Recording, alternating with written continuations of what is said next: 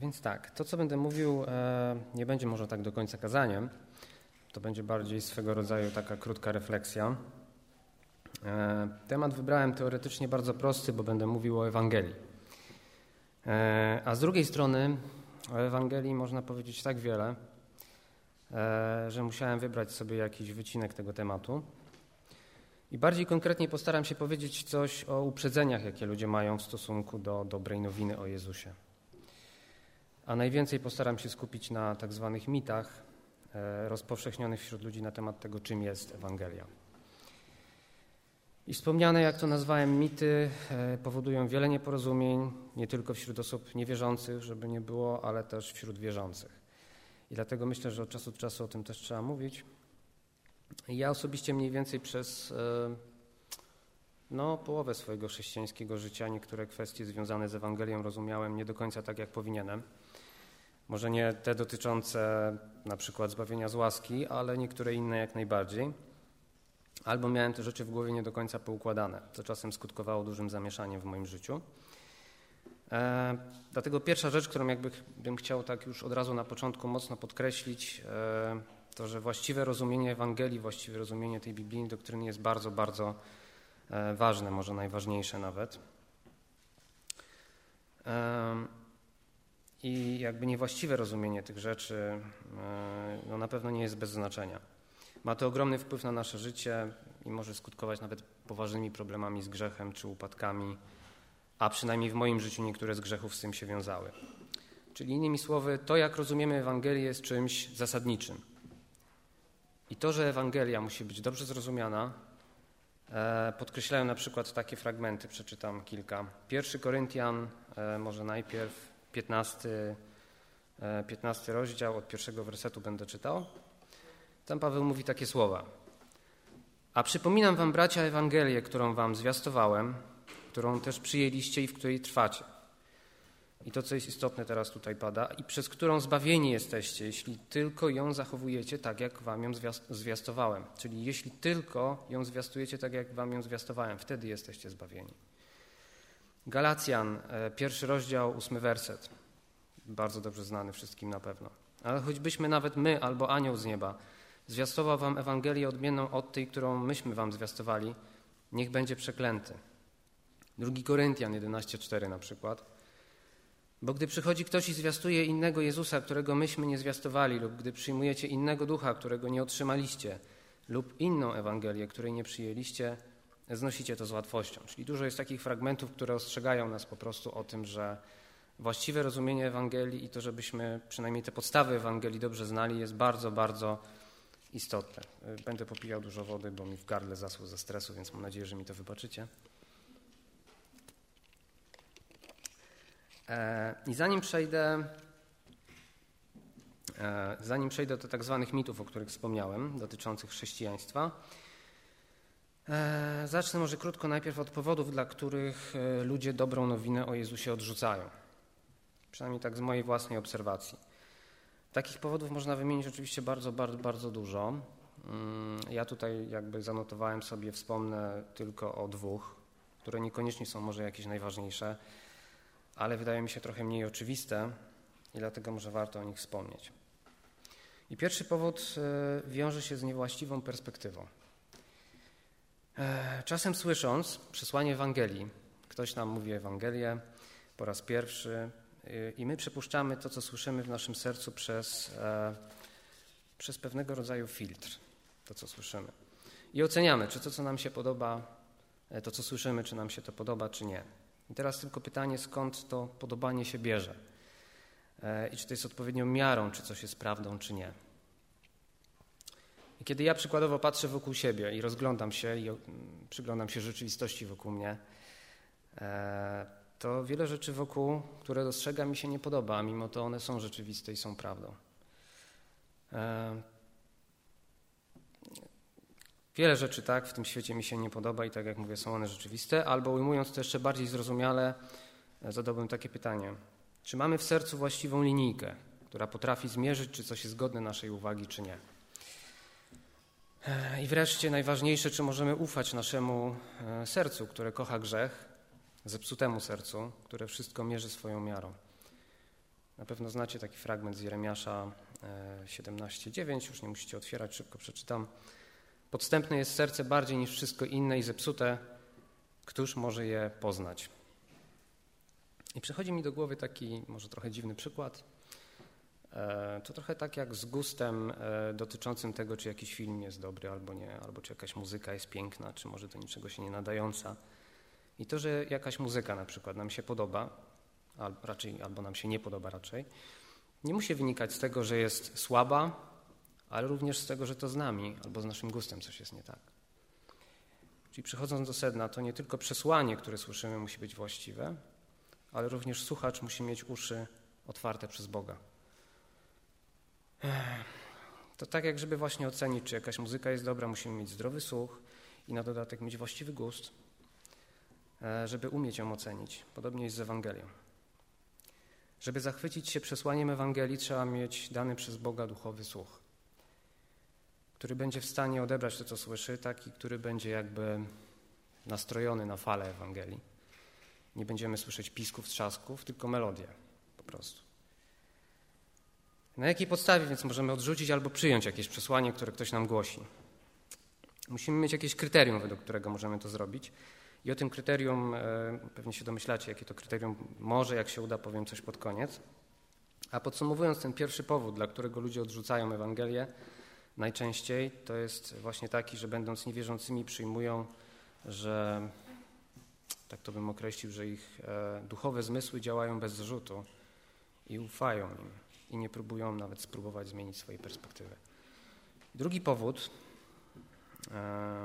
o jakim pomyślałem przy przygotowywaniu tego przesłania, to jest to, że ludzie są z natury przeciwnikami Boga. I w swoim pragnieniu niezależności nawet go nienawidzą. E, dużo na ten temat y, mówi na przykład list do Rzymian, zwłaszcza początek listu, ale na razie może nie będziemy go otwierać, potem troszeczkę więcej przeczytamy. I często ludzie oburzają się na taką informację, że mogą nienawidzieć Boga.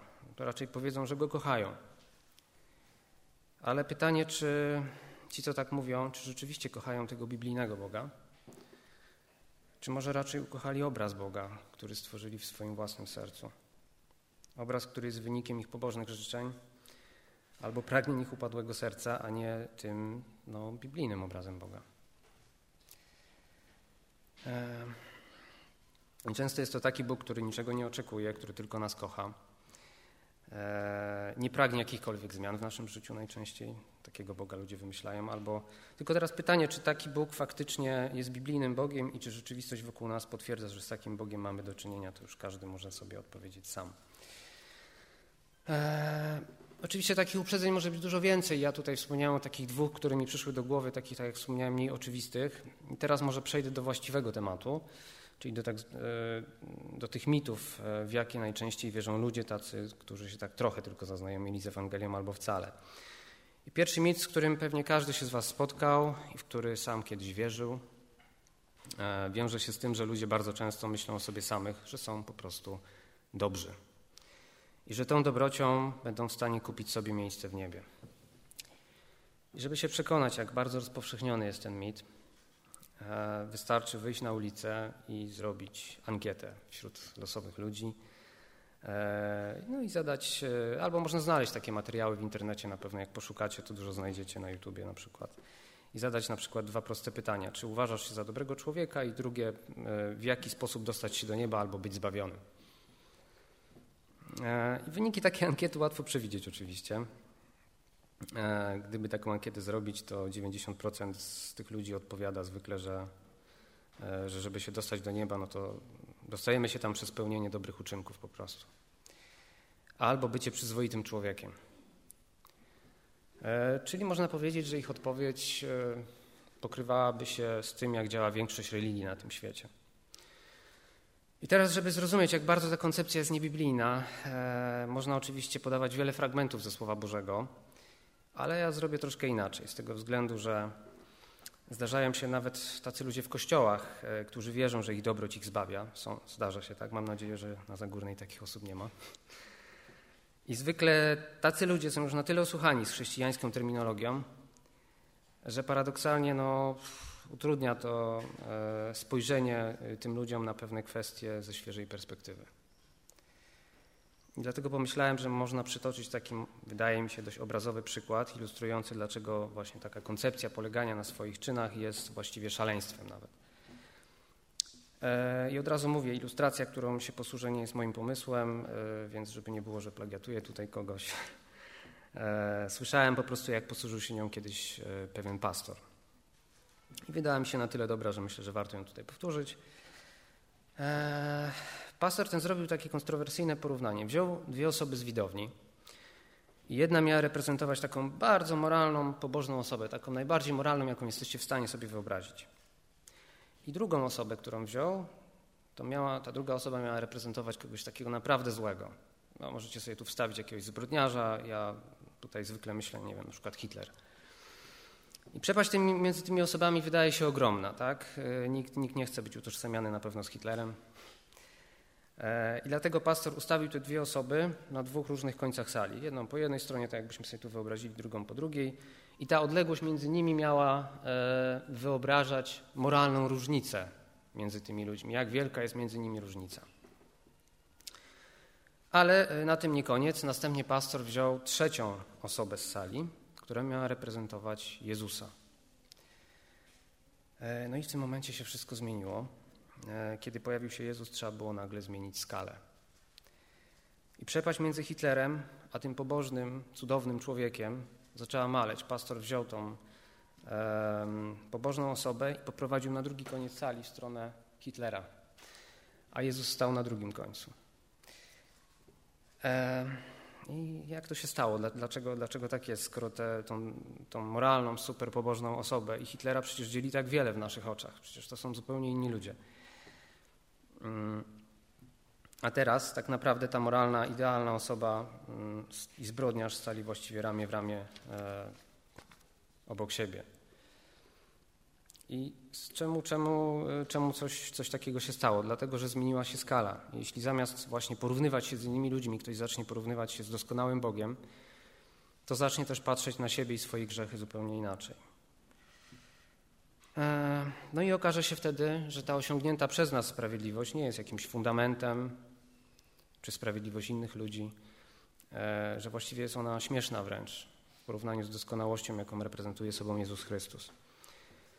Dlatego jedynym fundamentem, na którym się e, możemy oprzeć, jest obca sprawiedliwość, a nie nasza, ani innych niedoskonałych ludzi, tylko Jezusa Baranka.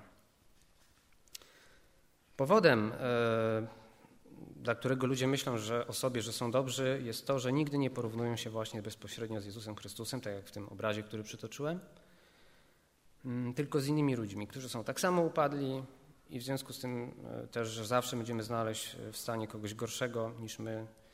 E, nie wyróżniamy się z tłumu, więc zakładamy, że Bóg też będzie z nas zadowolony. Czasem się zastanawiałem, czy w takim porównywaniu grzechów między sobą albo porównywaniu e, takim, żeby zmierzyć, kto jest bardziej sprawiedliwy, gdybyśmy się tutaj zaczęli wszyscy porównywać. Czy, czy, czy to trochę nie przypomina takich małych mrówek, i tu przepraszam za porównanie takich mrówek kłócących się przed słoniem o to, która jest w stanie więcej unieść. Przepraszam za porównanie. Po prostu śmiesznie to musiałoby wyglądać dla słonia, coś w tym rodzaju. Więc kiedy porównujemy się z innymi ludźmi, może się wydawać, że są między nami duże różnice w takiej moralności, ale przed nieskazitelnym Bogiem, jak mówili do Rzymian, nie ma różnicy, bo wszyscy zgrzeszyli i brakiem chwały Bożej. Jeśli kogoś e, te przykłady, co podałem, jeżeli kogoś te przykłady nie przekonują i uważa, że to jakaś bzdura, to, to zwykle wydaje mi się, że najprawdopodobniej jest tak z powodu dwóch rzeczy, że albo taka osoba nie zna Boga i Jego standardów, według których On ocenia ludzi, albo nie zna samego siebie, swojego realnego stanu przed Bogiem, tego jak bardzo my jesteśmy zepsuci. Brak znajomości właśnie tych dwóch kwestii powoduje dużo zamieszania. Ale żeby nie było nie tylko wśród niewierzących, e, do pewnego stopnia jako wierzący też czasami nie zdajemy sobie sprawy, jak bardzo jesteśmy dalecy od tej Bożej koncepcji sprawiedliwości. I w pewnym sensie dlatego powinniśmy, musimy sobie o tym stale przypominać. Podam taki przykład. Czy ktokolwiek z Was, czytając na przykład niektóre historie biblijne, niekoniecznie ze Starego Testamentu, mogą być z Nowego, gdzie Bóg wywiera swój gniew i karze kogoś, na przykład fragmenty mówiące o śmierci dwóch synów Arona. o odrzuceniu Saula, śmierci Uzzy, śmierci Ananiasza i Safiry na przykład. Albo fragmenty mówiące o tym, że Bóg rozkazał ukamienowanie kogoś. E, to czy nie było tak, że niektórzy z Was czytając te fragmenty zaniepokoili się i pomyśleli sobie, jaki biedny ten Saul, albo jak mi szkoda tego Ananiasza i Safiry. Albo czy nie pomyśleliśmy sobie, że to jest nie fair.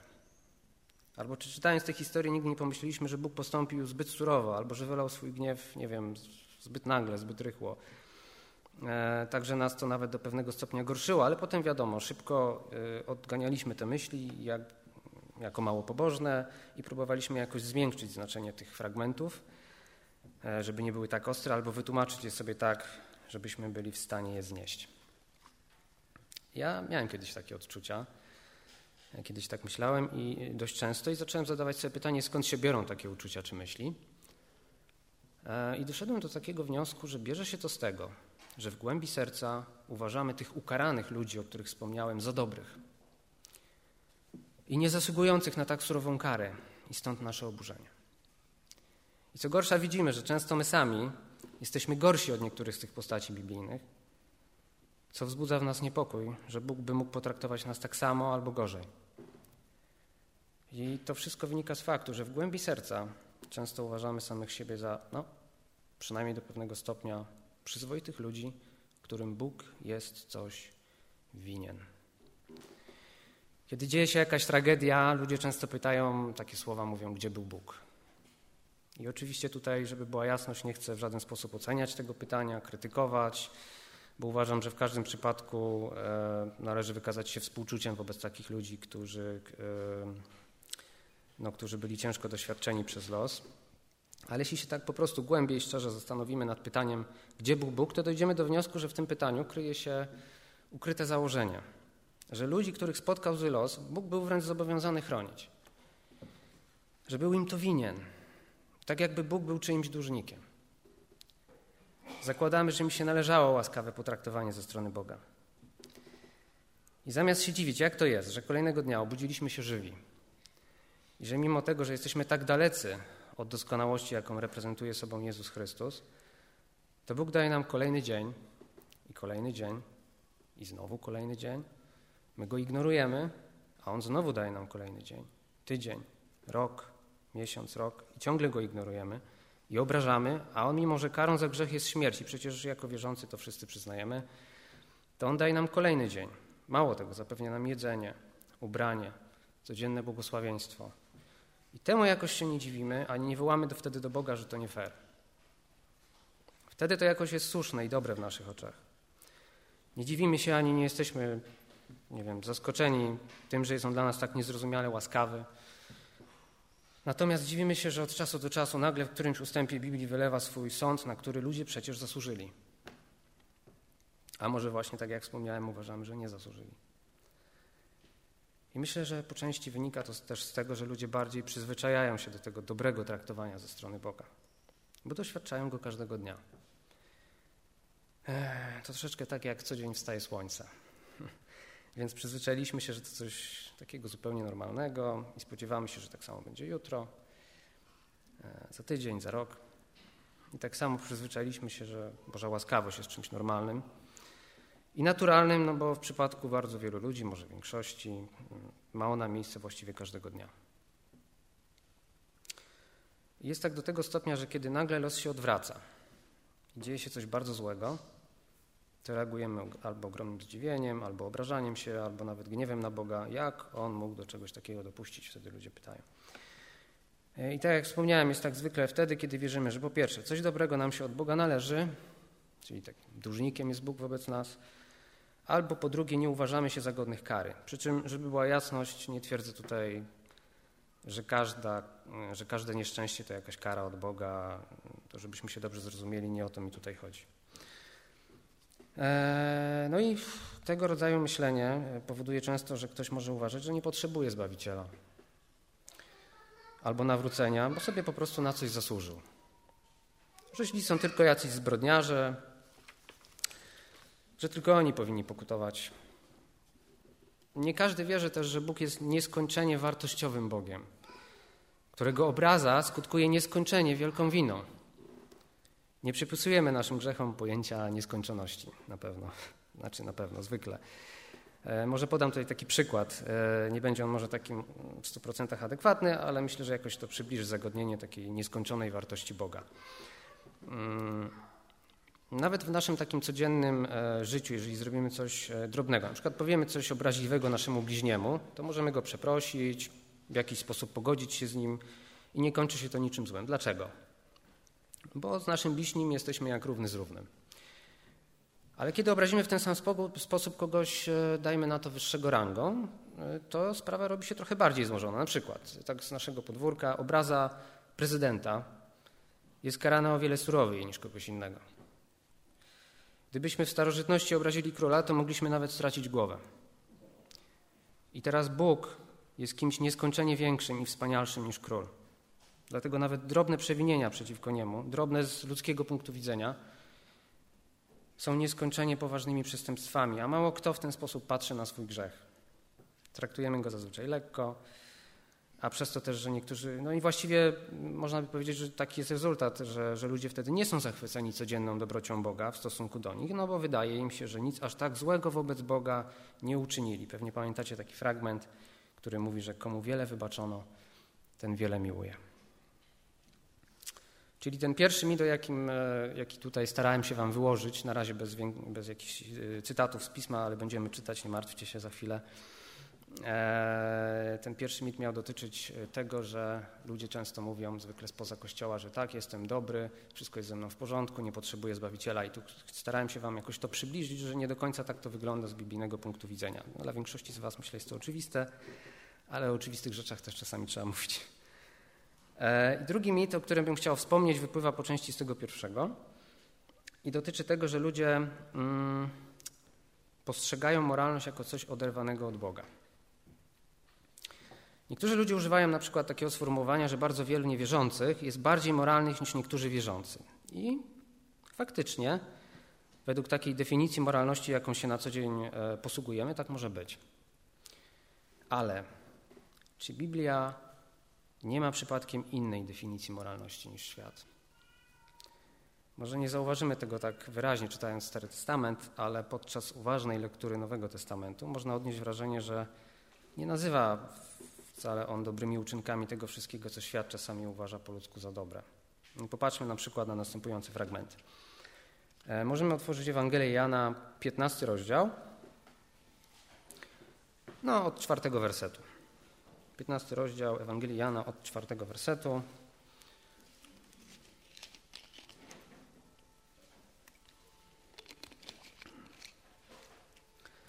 Trwajcie we mnie, a ja w was. Jak latorośl sama z siebie nie może wydawać owocu, jeśli nie trwa w krzewie winnym. Tak i wy, jeśli we mnie trwać nie będziecie. Ja jestem krzewem winnym, wy jesteście latoroślami. Kto trwa we mnie, a ja w nim, ten wydaje wiele owocu. I teraz uwaga, to jest istotne bo beze mnie nic uczynić nie możecie. Kto nie trwa we mnie, ten zostaje wyrzucony precz jak zeschnięta latorośl. Takie zbierają i wrzucają w ogień, gdzie spłoną. Ciekawe, że Jezus Ewangeliana mówi, że bez niego człowiek nic nie może uczynić. A w kontekście tego fragmentu mowa jest o tym, że nie może przynieść Bogu jakichkolwiek owoców, a więc nie może zrobić nic dobrego, co by Bogu mogło się podobać. Zerknijmy do Hebrajczyków jeszcze 11:6, tylko jeden werset tym razem. E, Hebrajczyków 11:6. Tam jest napisane coś takiego. Bez wiary zaś nie można podobać się Bogu. Bez wiary zaś nie można podobać się Bogu. Kto bowiem przystępuje do Boga, musi uwierzyć, że On istnieje i że nagradza tych, którzy Go szukają. I teraz warto zauważyć, że fragment z Hebrajczyków mówi wyraźnie, że osoba bez wiary nie podoba się Bogu. Ja osobiście mm, nigdy nie oddzielam osób od ich uczynków, e, bo to, co człowiek robi, wypływa z jego serca z jego wewnętrznej natury. Jeśli Bóg mówi, że jakaś osoba mu się nie podoba, to znaczy, że nie podoba mu się cała osoba, a więc również wszystkie czyny tej osoby. Otwórzmy jeszcze Rzymian, trzeci rozdział, dziesiąty werset. No dobrze znane fragmenty wszystkim. Jak napisano, nie ma ani jednego sprawiedliwego.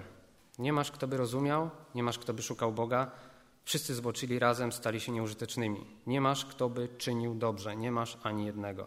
Nie masz, kto by czynił dobrze. Jest tu ciągłość. Ten fragment mówi, że ani jeden człowiek nie jest dobry, sprawiedliwy i że nikt w oczach Boga nie czyni dobra. I teraz y, to mogłoby być kontrowersyjne, ale gdyby wziąć ten fragment tak literalnie, to można by nawet dojść do takiego bardzo kontrowersyjnego wniosku, że nie jest wcale tak, że czasami człowiek tylko grzeszy, a od czasu do czasu robi coś dobrego. Nie. On nie robi nic poza grzechem. Mało tego, jest powiedziane, że nawet nie próbuje szukać Boga. I ktoś tutaj by mógł gwałtownie zaprotestować i zapytać, jak to? Ale ewidentnie wynika z tych fragmentów, e, e, ewidentnie oznacza to, że Bóg inaczej niż ludzie definiuje, czym są dobre uczynki i moralność. Następny taki znany fragment, już może nie będziemy otwierać, z Izajasza mówi, że uczynki, które człowiek uważa za dobre i którymi chce się usprawiedliwić, są w oczach Boga jak szata splugawiona. Izajasz mówi to w ten sposób.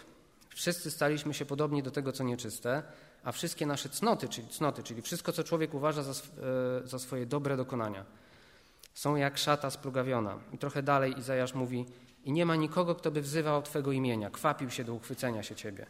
Pierwsza Mojżeszowa 6.5 mówi coś takiego.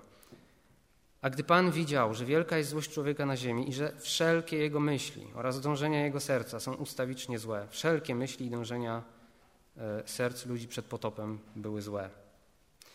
Znowu, gdyby dosłownie to rozpatrywać, nie mówię, że tak trzeba, ale gdyby dosłownie na to spojrzeć i tak literalnie, to że wszelkie myśli, a nie tylko niektóre. Kolejny fragment e, pochodzi z listu do Rzymian i mówi o tym, że cielesny człowiek nie poddaje się Bożemu prawu, ani co ważne, nie jest nawet do tego zdolny.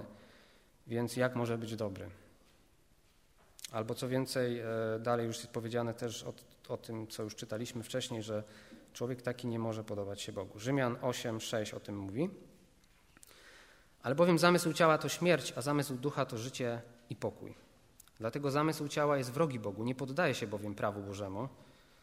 To czytam prawo zamiast zakonowi, żeby było jaśniejsze, bo też nie może. Ci zaś, którzy są w ciele, Bogu podobać się nie mogą.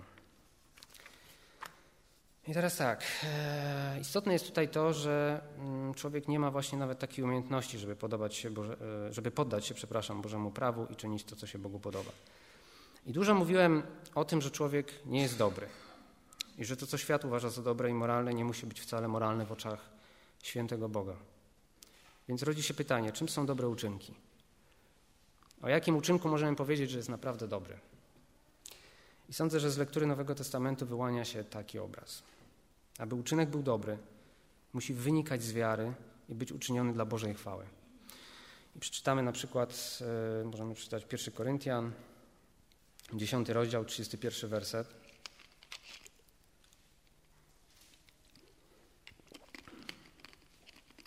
Dziesiąty rozdział, 31 werset.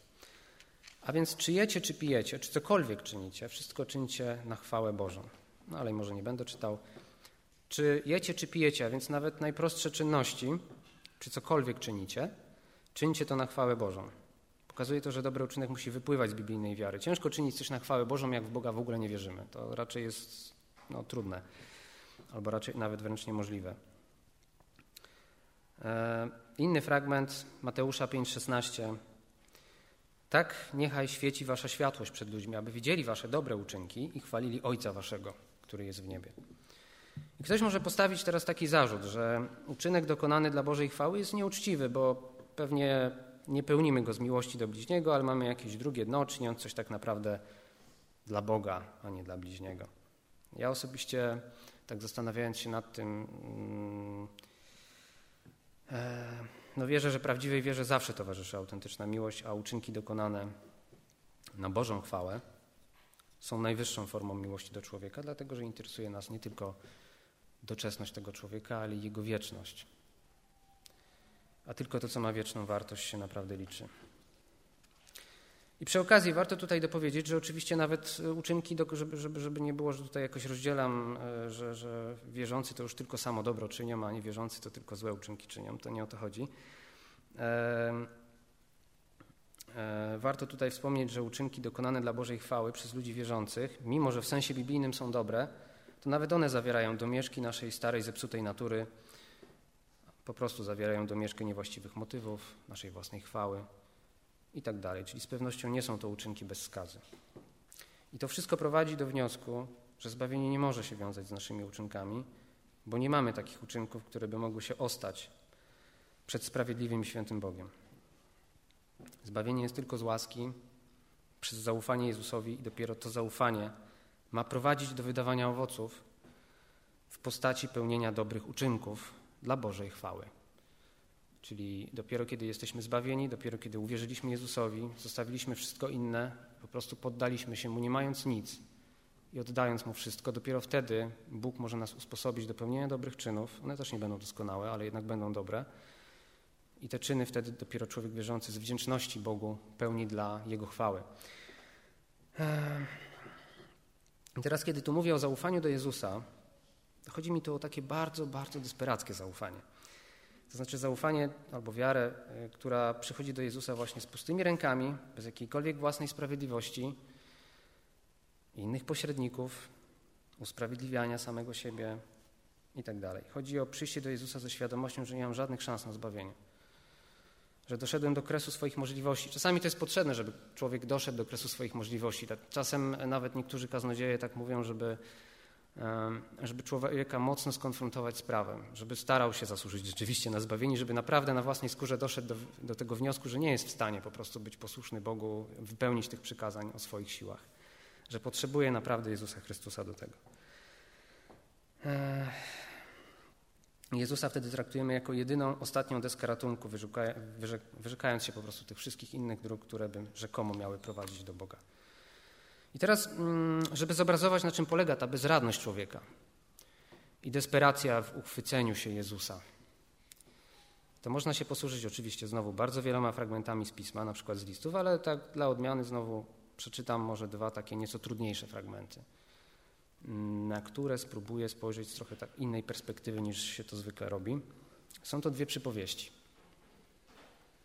Pierwsza o minach, a druga o obliczaniu kosztów na wykończenie wieży. I otwórzmy może tą pierwszą, Ewangelia Łukasza, 19 rozdział od 11 wersetu do 27 przeczytam, czyli taki dłuższy fragment e, i zobaczymy. Może nawet nie będę omawiał całej przypowieści.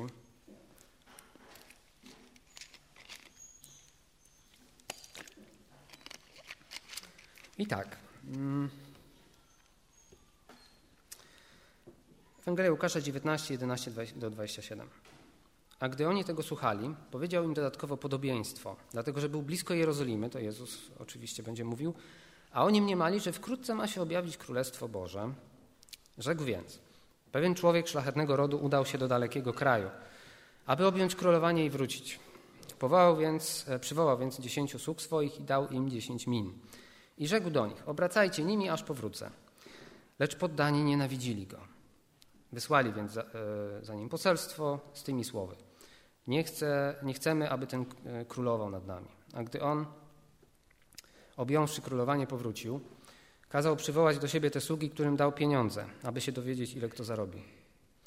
Zjawił się więc pierwszy i rzekł: Panie, mina twoja przyniosła dziesięć min zysku.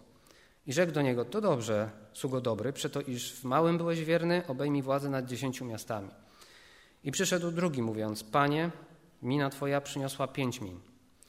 Rzekł i do niego także i ty bądź nad pięcioma miastami. I inny przyszedł i tu na nim chciałbym, żebyśmy się skupili, na tym trzecim słudze.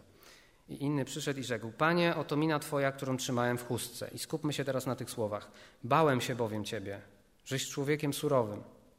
Bierzesz, czego nie położyłeś i żniesz, czego nie posiałeś. Rzeczę do niego, na podstawie Twoich słów osądzę Cię, sługo zły. Wiedziałeś, że jestem człowiekiem surowym. Biorę, czego nie położyłem i żnę, czego nie posiałem. Dlaczego więc nie dałeś pieniędzy moich do banku? Po powrocie miałbym je z zyskiem. A do tych, którzy stali obok, powiedział: Odbierzcie od niego minę, a dajcie temu, który ma dziesięć min. A oni rzekli do niego: Panie, ma już dziesięć min. Powiadam wam, iż każdemu, kto ma, będzie dane, temu zaś, który nie ma, i to, co ma, będzie odebrane.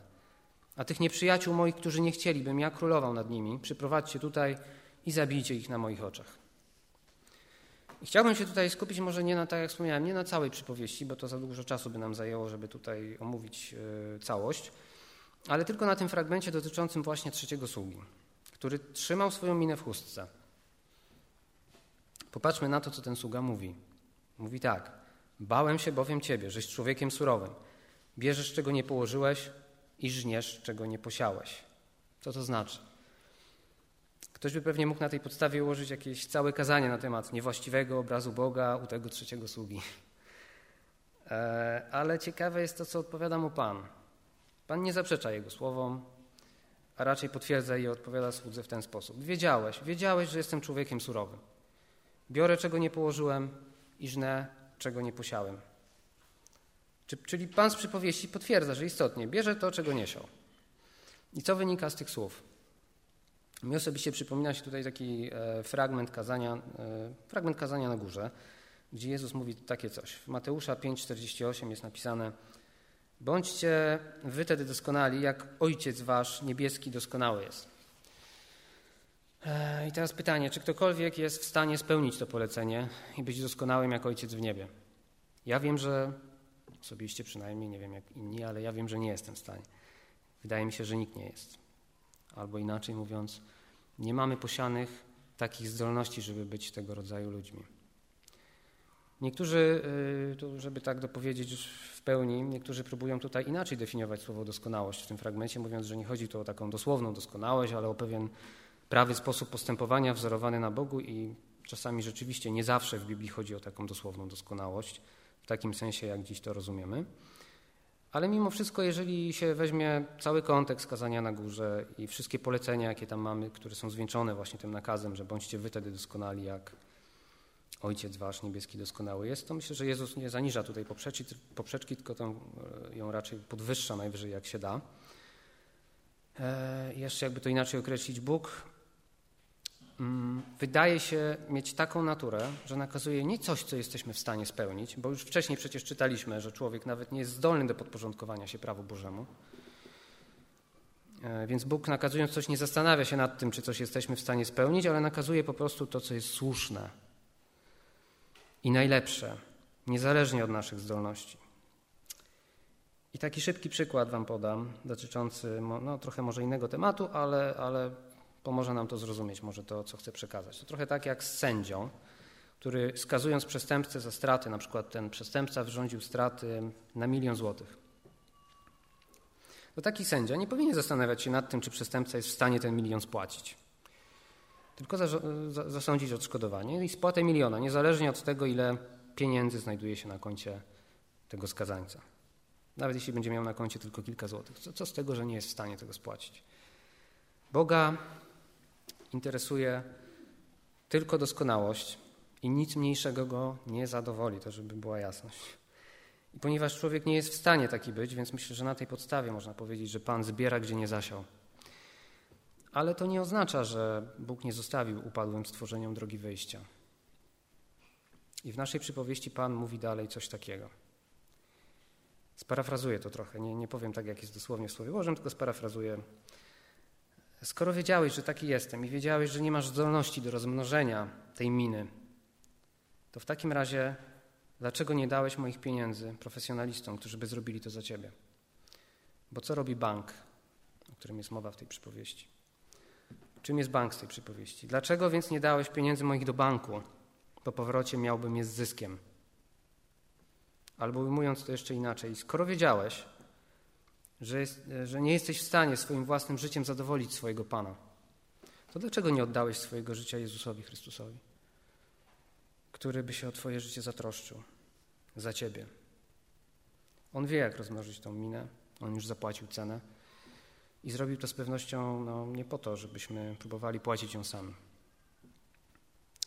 Pod koniec przypowieści, jeszcze to warto tak zwrócić na to uwagę, jest powiedziane: Powiadam wam, iż każdemu, kto ma, będzie dane. Temu zaś, który nie ma, i to, co ma, będzie odebrane. Inny fragment Ewangelii Łukasza podaje to samo nieco bardziej precyzyjnie. Możemy zobaczyć. Ewangelia Łukasza 8:18. Tam są te same słowa, tylko z pewnym dopowiedzeniem. Tam jest napisane tak. Baczcie więc, jak słuchacie, albowiem temu, który ma, będzie dodane, a temu, który nie ma, i tu na to bym chciał, żeby zwrócił uwagę, i to, co sądzi, że ma, zostanie odebrane. To, co sądzi, że ma. Czyli nawet te nasze mrzonki co do, własnej, co do swojej własnej osoby. Jeśli sądzisz, że masz jakąś swoją własną sprawiedliwość, którą ocalisz siebie przed tym świętym, wielkim, cudownym Bogiem, to nawet to, co sądzisz, że masz, będzie ci odebrane. Druga przypowieść, o której wspomniałem, o obliczaniu kosztów na wykończenie wieży przez e, tutaj no, większość ludzi jest tłumaczona. Znaczy nie to, że się do końca z interpretacjami tymi nie zgadzam, ale wydaje mi się, że nie do końca właściwa. Trochę tam jest to przeinaczone. I to nawet no, przez kaznodziejów takich, nawet których bardzo szanuję i z którymi, którzy są dla mnie wielkim autorytetem i z którymi się w większości innych kwestii zgadzam. E, I może najpierw, zanim przeczytałem tą przypowieść, to powiem, jak ona zwykle jest tłumaczona. Tłumaczy się ją tak, to przypowieść o mm, obliczaniu kosztów na wykończenie wieży, dla przypomnienia. Mm, tłumaczy się ją tak, że mm, no, jako pewnego rodzaju ostrzeżenie dla człowieka, który chce iść za Jezusem, pragnie iść za Nim. I ostrzeżenie miałoby polegać na tym, że e, potencjalny naśladowca Jezusa powinien liczyć się z tym, że po nawróceniu po prostu jego życie będzie trudne, pełne przeciwności, walki z grzechem, e, usiane prześladowaniami, wyrzeczeniami. A w związku z tym wydawałoby się, że ten fragment miałby sugerować, że człowiek powinien się najpierw sto razy zastanowić, czy aby na pewno chce zostać chrześcijaninem, żeby potem się nie okazało, że pod wpływem jakichś trudności nie wytrwa i porzuci chrześcijaństwo. I tak to zwykle się interpretuje właśnie, jakby człowiek miał wejrzeć w siebie i sprawdzić, czy ma dość samozaparcia i wewnętrznej siły, które by pozwoliły mu przewidzieć, czy wystarczy mu sił, żeby kroczyć chrześcijańską wąską drogą. E, I nie mówię, że to jest nieprawda, oczywiście. Może mm, w jakimś sensie oczywiście powinniśmy liczyć te koszty jest w jakiś to sposób racja, to jednak sądzę, że nie do końca o to w tej przypowieści chodzi. E, przeczytajmy ją, może brzmi ona tak. Ewangelia Łukasza, 14 rozdział. Zacznę czytać od 25 wersetu i porcjami będę to czytał.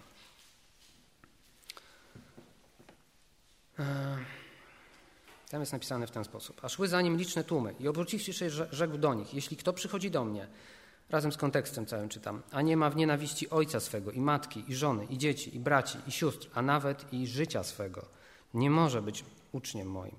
Kto nie dźwiga krzyża swego, a idzie za mną, nie może być uczniem moim. Któż bowiem z was, chcąc zbudować wieżę, nie usiądzie najpierw i nie obliczy kosztów, czym na wykończenie, aby gdy już położy fundament, a nie może dokończyć, wszyscy, którzy by to widzieli, nie zaczęli naśmiewać się z niego, mówiąc: Ten człowiek zaczął budować, a nie mógł dokończyć. I to jest pierwsza część tej przypowieści, ale ona się tutaj nie kończy. Jezus e, po przykładzie o budowie wieży podaje kolejny przykład na wypadek, gdyby komuś z słuchających wydawało się, że dobrze policzył te koszty i na pewno ma dość pieniędzy na wykończenie wieży. Zauważmy, że drugi przykład Jezusa jest e, o wiele bardziej konkretny i dotyczy tutaj liczebności armii. Tam jest napisane tak. Albo który król, wyruszając na wojnę z drugim królem, to jest cały czas ten sam fragment, nie siądzie najpierw i nie naradzi się, czy będzie w stanie w 10 tysięcy zmierzyć się z tym, który z 20 tysiącami wyrusza przeciwko niemu. Zauważcie, że o ile w pierwszym przykładzie nie znamy kwot, tak? nie, nie wiemy, ile kosztuje wykończenie wieży, nie wiemy, ile pieniędzy posiada ten, który zaczął budowę, e, tak, w drugim przykładzie podają już bardzo konkretne liczby. Mamy armię 10 tysięcy ludzi, a przeciwko nam nadciąga armia 20 tysięcy, dwa razy większa. Jezus znowu zadaje pytanie: Czy jesteś w stanie pokonać tę armię? Czy masz dość pieniędzy na wykończenie wieży? Czy jesteś w stanie zmierzyć się z królem, który nadciąga z dwa razy większą armią przeciwko tobie? I myślę, że wbrew temu, co bardzo wielu o tej przypowieści mówi, sądzę, że Jezus tutaj chce, abyśmy doszli do wniosku, że nie mamy na wykończenie wieży i nie mamy armii zdolnej przeciwstawić się temu królowi. Sądzę, że Jezus postawił sobie tutaj po prostu za cel zniechęcić ludzi próbujących za nim iść, a przekonanych o swojej własnej sprawiedliwości, którzy sądzą, że dadzą radę skończyć tą wieżę z przypowieści, że wejdą do nieba na swoich własnych warunkach. A jeżeli no, ktoś słuchając tego, co mówię, miałby jakieś wątpliwości nadal e, co do takiej interpretacji, no to, e, to nadal nie jest koniec. W dalszej części tekstu jeszcze bardziej wszystko się wyjaśnia, więc czytajmy dalej. Jeszcze raz przeczytam troszkę wcześniej. Albo który król, wyruszając na wojnę z drugim królem, nie siądzie najpierw i nie naradzi się, czy będzie w stanie w 10 tysięcy zmierzyć się z tym, który z 20 tysiącami wyrusza przeciwko niemu. Jeśli zaś nie, to gdy tamten jeszcze jest daleko, wysyła poselstwo i zapytuje o warunki pokoju. Tak więc każdy z Was, to też jest istotne, który się nie wyrzeknie wszystkiego, co ma, nie może być uczniem moim. Jeśli zaś nie, to gdy tamten jeszcze jest daleko, wysyła poselstwo i pyta o warunki pokoju. Tutaj Jezus mówi, co powinniśmy zrobić, jeśli dojdziemy do wniosku, że nie jesteśmy w stanie pokonać tej armii. Mamy wysłać poselstwo i prosić o warunki pokoju, gdy król jest jeszcze daleko.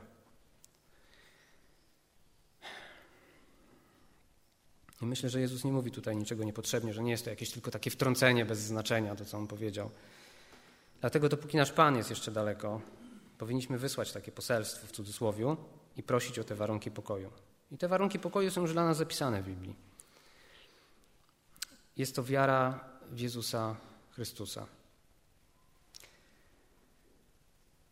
Mamy zwrócić się do Niego i uchwycić się Go w wierze i desperacji, że sami nie damy rady, bo nie mamy nic, co by się Mu mogło podobać. I potrzebujemy, żeby On, Jezus, żeby wziął nas na swoje ramiona i po prostu nosił przez życie. Jezus wymaga tutaj nawet wyrzeczenia się wszystkiego, kim jesteśmy i co sobą reprezentujemy, czyli całej swojej sprawiedliwości. Nawet wspomina o czymś takim jak w cudzysłowie nienawiść do własnego życia, do tego, kim jesteśmy, tej natury, która jest w nas. E, przejdziemy teraz może troszeczkę do czegoś innego, do nadal ten sam temat, ale do innego przykładu, obrazu, mm, który dotyczy tego samego zagadnienia. Bóg postępuje troszeczkę jak gospodarz, który chce, żeby jego goście, których on zaprasza, nie mieli mu się czym odpłacić. Możemy otworzyć Ewangelię Łukasza, 14 rozdział, od 12 wersetu. Przeczytam krótki fragment tylko. Powiedział też do tego, który go zaprosił. Jezus mówi do gospodarza tutaj. Gdy dajesz obiad albo wieczerze, nie zwołuj swoich przyjaciół, ani swoich braci, ani swoich krewnych, ani bogatych sąsiadów, żeby cię czasem i oni nawzajem nie zaprosili i miałbyś już odpłatę. Lecz gdy urządzasz przyjęcie, zaproś ubogich, ułomnych, chromych, ślepych i będziesz błogosławiony, bo nie mają ci czym odpłacić. No i tutaj, żeby była jasność, Jezus mówi do gospodarza, ale blisko tego fragmentu jest też dobrze nam znana wszystkim przypowieść o Wielkiej Wieczerzy tak zwanej, nie będę już jej czytał, bo, bo wszyscy ją znamy na pewno. I gdzie tym gospodarzem w tej przypowieści o Wielkiej Wieczerzy jest sam Bóg. I najpierw zaprasza on swoich najbliższych, czyli Izraela, którzy nie chcieli przyjść. W związku z czym potem zaprasza pogan, którzy chętnie przychodzą. I to Bóg jest tym błogosławionym dawcą, tym gospodarzem, któremu nikt nie jest w stanie się niczym odpłacić. A propos jeszcze odpłacania się, możemy taki fragment zobaczyć e, z listu do Rzymian, 11 rozdział od 33 wersetu przeczytam, może do 36. O głębokości bogactwa i mądrości i poznania Boga. Jakże niezbadane są wyroki Jego i niewyśledzone drogi Jego. Bo któż poznał myśl Pana, albo któż był doradcą Jego? Albo któż, to jest istotne teraz, uwaga, albo któż wpierw dał mu coś, aby za to otrzymać odpłatę. Albowiem z Niego i przez Niego i ku Niemu jest wszystko, Jemu niech będzie chwała na wieki. Amen. Któż dał mu coś, aby za to otrzymać odpłatę? Nie ma takiej osoby. Bóg nie jest niczyim dłużnikiem. Warto przy okazji e, tego, o czym mówimy tutaj, wspomnieć może jeszcze taką bardzo oczywistą rzecz, oczywistą, ale i tak o niej wspomnę, że zbawienia nie można oczywiście też kupić za pieniądze, o czym e, mówi fragment na przykład z dziejów.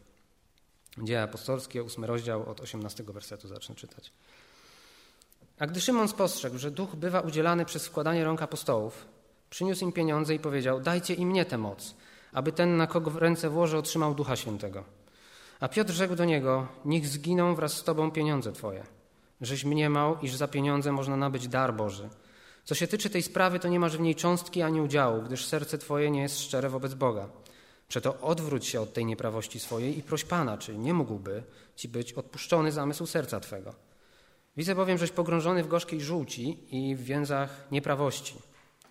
Szymon zaś odpowiedział i rzekł, no przynajmniej tyle powiedział, módlcie się wy za mną do Pana, aby e, nic z tego, co na mnie przyszło, nie powiedzieliście. No Szymon się przynajmniej nie obraził, tylko poprosił o modlitwę. E, ale jakby tu wracając do sedna, pieniądze tak samo jak uczynki, gdy traktuje się je jako walutę, za którą kupujemy Boży dar, są obrazą dla Boga, która mówi po prostu, że traktujemy Jego zbawienie jak coś bardzo, bardzo taniego. I to, że zbawienie jest za darmo, oczywiście nie czyni go tanim, bo przecież Chrystus zapłacił za nie swoją świętą, bezcenną krwią. Otworzyć można jeszcze, a propos tego tematu, 1 Piotra pierwszy rozdział, osiemnasty werset.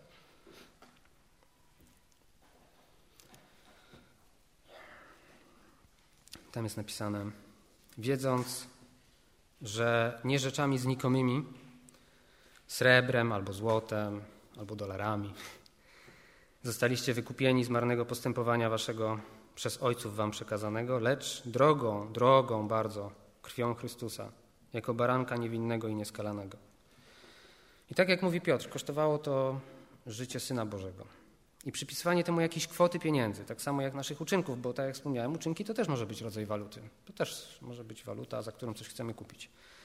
Próba zapłacenia Bogu taką walutą jest właściwie wręcz bluźnierstwem, który, które pokazuje, jak mało cenimy Boga albo jak mało jesteśmy w ogóle świadomi tego, jak drogiej ofiary wymagają nasze przestępstwa. I podam taki przykład. Gdyby ktoś umarł nam w rodzinie, ktoś, kogo bardzo kochaliśmy, i potem przychodzi do nas jakiś człowiek, i ten człowiek rzuca nam złotówkę na stół i powie: No, mam nadzieję, że to wynagrodzi ci śmierć Twojej bliskiej osoby. No to chyba poczulibyśmy się mocno urażeni, że ktoś tak nisko wycenił naszą ukochaną osobę. Byłby to ogromny nietakt i cóż, no o ile bardziej czymś e, nie na miejscu jest, gdy przypisujemy jakąś kwotę, na przykład milion złotych i na tyle wyceniamy zbawienie ludzkiej duszy albo cierpienie Jezusa Chrystusa. Jak bardzo obraźliwe to jest e, i znieważające dla Boga, dla, dla Syna Bożego, który powinien być przecież nam drogi. Gdyby zbawienie było warte milion złotych nawet, to no to niektórzy multimilionerzy by mogli właściwie kupić sobie tego zbawienia no, na pęczki, kilogramami całymi. Krew Jezusa Chrystusa jest bezcenna. Za zbawienie nie zapłacimy ani uczynkami, ani pieniędzmi, ani też naszym własnym cierpieniem. W ten sposób po prostu nigdy nie byśmy byli w stanie spłacić naszego długu wobec świętego Boga. E, I taki e, trzeci mit z kilku, chyba wszystkich nie powiem, żeby to nie było za długo. E, trzeci mit, o jakim chciał powiedzieć, dotyczy tego, że niektórzy tak twierdzą, że Bóg robi wszystko, co robi ze względu na ludzi, ze względu na człowieka. Jest to nie do końca prawda. E, to znaczy, prawdą jest oczywiście, nie chcę, żeby ktoś mnie źle zrozumiał, że Bóg kocha ludzi, że pragnie ich dobra, że robi też ze względu na miłość do ludzi różne rzeczy, ale jest coś ważniejszego znacznie. E, już trochę wspomniałem o tym, że Bóg działa przede wszystkim ze względu na swoją chwałę i to dlatego zbawienie właśnie jest z uczynków. E, przepraszam, nie jest z uczynków, ale z łaski przez wiarę. Żeby całą chwałę otrzymał Bóg, a nie my. No i zwróćmy uwagę na taką rzecz, że gdy Bóg stwarzał świat, taki przykład, mm, gdy Bóg stwarzał świat, to nie było jeszcze nikogo, dla, dla kogo miałby to zrobić. Dla kogo Bóg stwarzał świat, jak jeszcze nikogo nie było. Więc e, wydaje się, że stworzył to wszystko dla siebie. I zbawia ludzi, albo sądzi również dla swojej chwały, czyli dla siebie. To, że my jesteśmy odbiorcami tych Bożych błogosławieństw, jest tutaj drugorzędne naprawdę. Nadrzędnym celem jest Boża chwała. E, zobaczmy Kolosan 1,16, który właśnie mówi to, o czym przed chwilą powiedziałem. Dla kogo świat został stworzony? Dla ludzi może tak, ale nie przede wszystkim. Ponieważ, tam jest napisane, ponieważ w nim zostało stworzone wszystko, czyli w Jezusie, co jest na niebie i na ziemi, rzeczy widzialne i niewidzialne, czy to trony, czy panowania, czy nadziemskie władze, czy zwierzchności, wszystko, i to jest istotne, wszystko przez Niego i dla Niego zostało stworzone. Wszystko zostało stworzone przez Jezusa, i dla Jezusa tak naprawdę. Bóg stworzył świat dla swojego Syna, a Kościół jest oblubienicą tego Syna. Jeszcze raz powtarzam, przez Niego i dla Niego zostało stworzone. Czyli nie my jesteśmy tutaj głównymi bohaterami tej historii, ale Jezus Chrystus. I kolejny nieco dłuższy fragment, e, nie będę go może całego czytał, Kolejny fragment ze Starego Testamentu mówi o postępowaniu Boga wobec Izraela. Ale biorąc pod uwagę, y, żeby nie było, że to nie stosuje się do nas w jakiś sposób, no, Bóg praktycznie zawsze właściwie wszystko czyni dla swojej chwały. Jak czytamy Biblię, czy to Stary, czy Nowy Testament, to możemy to dostrzec między wierszami. E, więc z takich fragmentów jak najbardziej też możemy się tutaj nauczyć e, czegoś o Bożym charakterze. To jest, e, cały fragment jest w Ezechiela 36 rozdziale, od 17 do 32 wersetu, ale ponieważ to jest długi fragment, to, to może nie będę go czytał, tylko mm, kilka fragmentów z niego przeczytam. Tam jest mowa o tym, jak Izrael grzeszył między narodami, ile przestępstw uczynił e, i że przez to imię Boga było znieważane, dlatego że ludzie mówili, to jest lud Pana i musieli opuścić swoją ziemię. I przez to e, imię Boga było znieważane. I jest powiedziane, że Bóg wyratuje Izraela, zbierze go pomiędzy narodów e, i okaże mu łaskę, ale Bóg przy okazji mówi tu, jaka jest jego motywacja i dlaczego to robi. I to jest ciekawe. Tu jest napisane tak, już ja tak mówię, przeczytam tylko kawałek. Dokądkolwiek przybyli, znieważali moje święte imię. I napisane jest, żal mi było mojego świętego imienia. E, I dalej Bóg mówi, kiedy już zapowiada, że, że okaże im łaskę, mówi tak: Ja działam nie ze względu na was, dobą izraelski, lecz ze względu na moje święte imię, które znieważyliście wśród ludów, do których przybyliście. Dlatego uświęcę wielkie moje imię znieważone wśród narodów, bo znieważyliście je wśród nich i poznają ludy, że ja jestem Pan. Opuszczę tutaj kawałek i dalej przeczytam. Będziecie brzydzić się samych siebie z powodu swoich win i swoich obrzydliwości. Nie ze względu na was ja działam, dalej jest powiedziane, mówi wszechmocny Pan, niech to wam będzie wiadome. Wstydźcie się i rumieńcie się z powodu swojego postępowania, domu izraelski. Eee, trochę się starałem powiedzieć o takich najważniejszych e, kwestiach związanych z tym, jakie są uprzedzenia e, co do Ewangelii, jakie są takie mity, w które ludzie wierzą najczęściej no, poza Kościołem, ale czasami w Kościele też się to zdarza. Czyli zacząć chciałem od takiego prostego tematu, żeby się tu za mocno nie stremować. E, I no i teoretycznie w dalszej kolejności powinienem powiedzieć też o owocach, jakie biblijna wiara mm, powinna wydawać w życiu człowieka i o tym, czy Biblia wspomina o jakichś cechach, po których można poznać, czy naprawdę jesteśmy ludźmi wierzącymi. Bo teoretycznie 90% ludzi w naszym kraju mówi, że są wierzący, ale czy to jest na pewno prawda? E, skoro Biblia mówi, że tak niewielu znajduje tą wąską bramę. Więc e, warto na pewno e, się dowiedzieć, po jakich cechach, po czym można poznać, jak, jak zobaczyć i rozpoznać tą biblijną wiarę. Ale już chyba tak długo mówię, że, że chyba na tym skończę. Mm. I ten temat pominę, bo jest dość obszerny. Tak samo można byłoby dużo powiedzieć o uprzedzeniach związanych z Biblią. Ale tak jak mówię, już tego nie będę mówił. Jeszcze raz powtórzę to, o czym, o czym mówiłem od samego początku. To, to, to, co jest najistotniejsze z tego przesłania, co tak warto byłoby chyba zapamiętać, to to, że nie mamy żadnej własnej dobroci yy, i potrzebujemy dobroci i sprawiedliwości baranka, Jego zasług tak naprawdę, Jego ofiary na krzyżu, która jest tym, co Bóg zrobił. I to, co On zrobił, jest wystarczające do zbawienia, nie potrzebujemy niczego innego. I wszystko, co się dzieje w naszym życiu, yy, co wynika z tego zbawienia, jest Jego dziełem. Nawet nasze dobre czyny w pewnym sensie gdzieś tam, w sposób, którego nie jesteśmy w stanie objąć umysłami, są przez Boga jakoś zaplanowane. E, Paweł mówił, że kiedy on pracował, to nie on pracował, ale łaska Boża z nim pracowała. Więc e, człowiek wierzący jest dziełem Boga prostu. Jest dziełem Jezusa Chrystusa, jest Jego stworzeniem jakby, no nie tylko stworzeniem, dzieckiem, jest ukształtowany przez Niego i jest w momencie, kiedy uwierzył naprawdę w Jezusa Chrystusa, stał się jego dzieckiem, to jest w tym momencie trzymany w rękach Boga, silnej ręce Boga, z której nikt nie może go wyrwać. Mm, I jest bezpieczny na wieki, dlatego że Jezus Chrystus jest cudownym, mocarnym Zbawicielem i jest w stanie nami tak się zaopiekować jako wierzącymi, że jest w stanie nas utrzymać w tej ręce, jest w stanie wpłynąć i na naszą wolę, i na nasze emocje, i na wszystko, co jest w nas, i poprowadzić nas tak, jak On chce. Mm, Jemu niech będzie chwała. Amen. Dziękuję.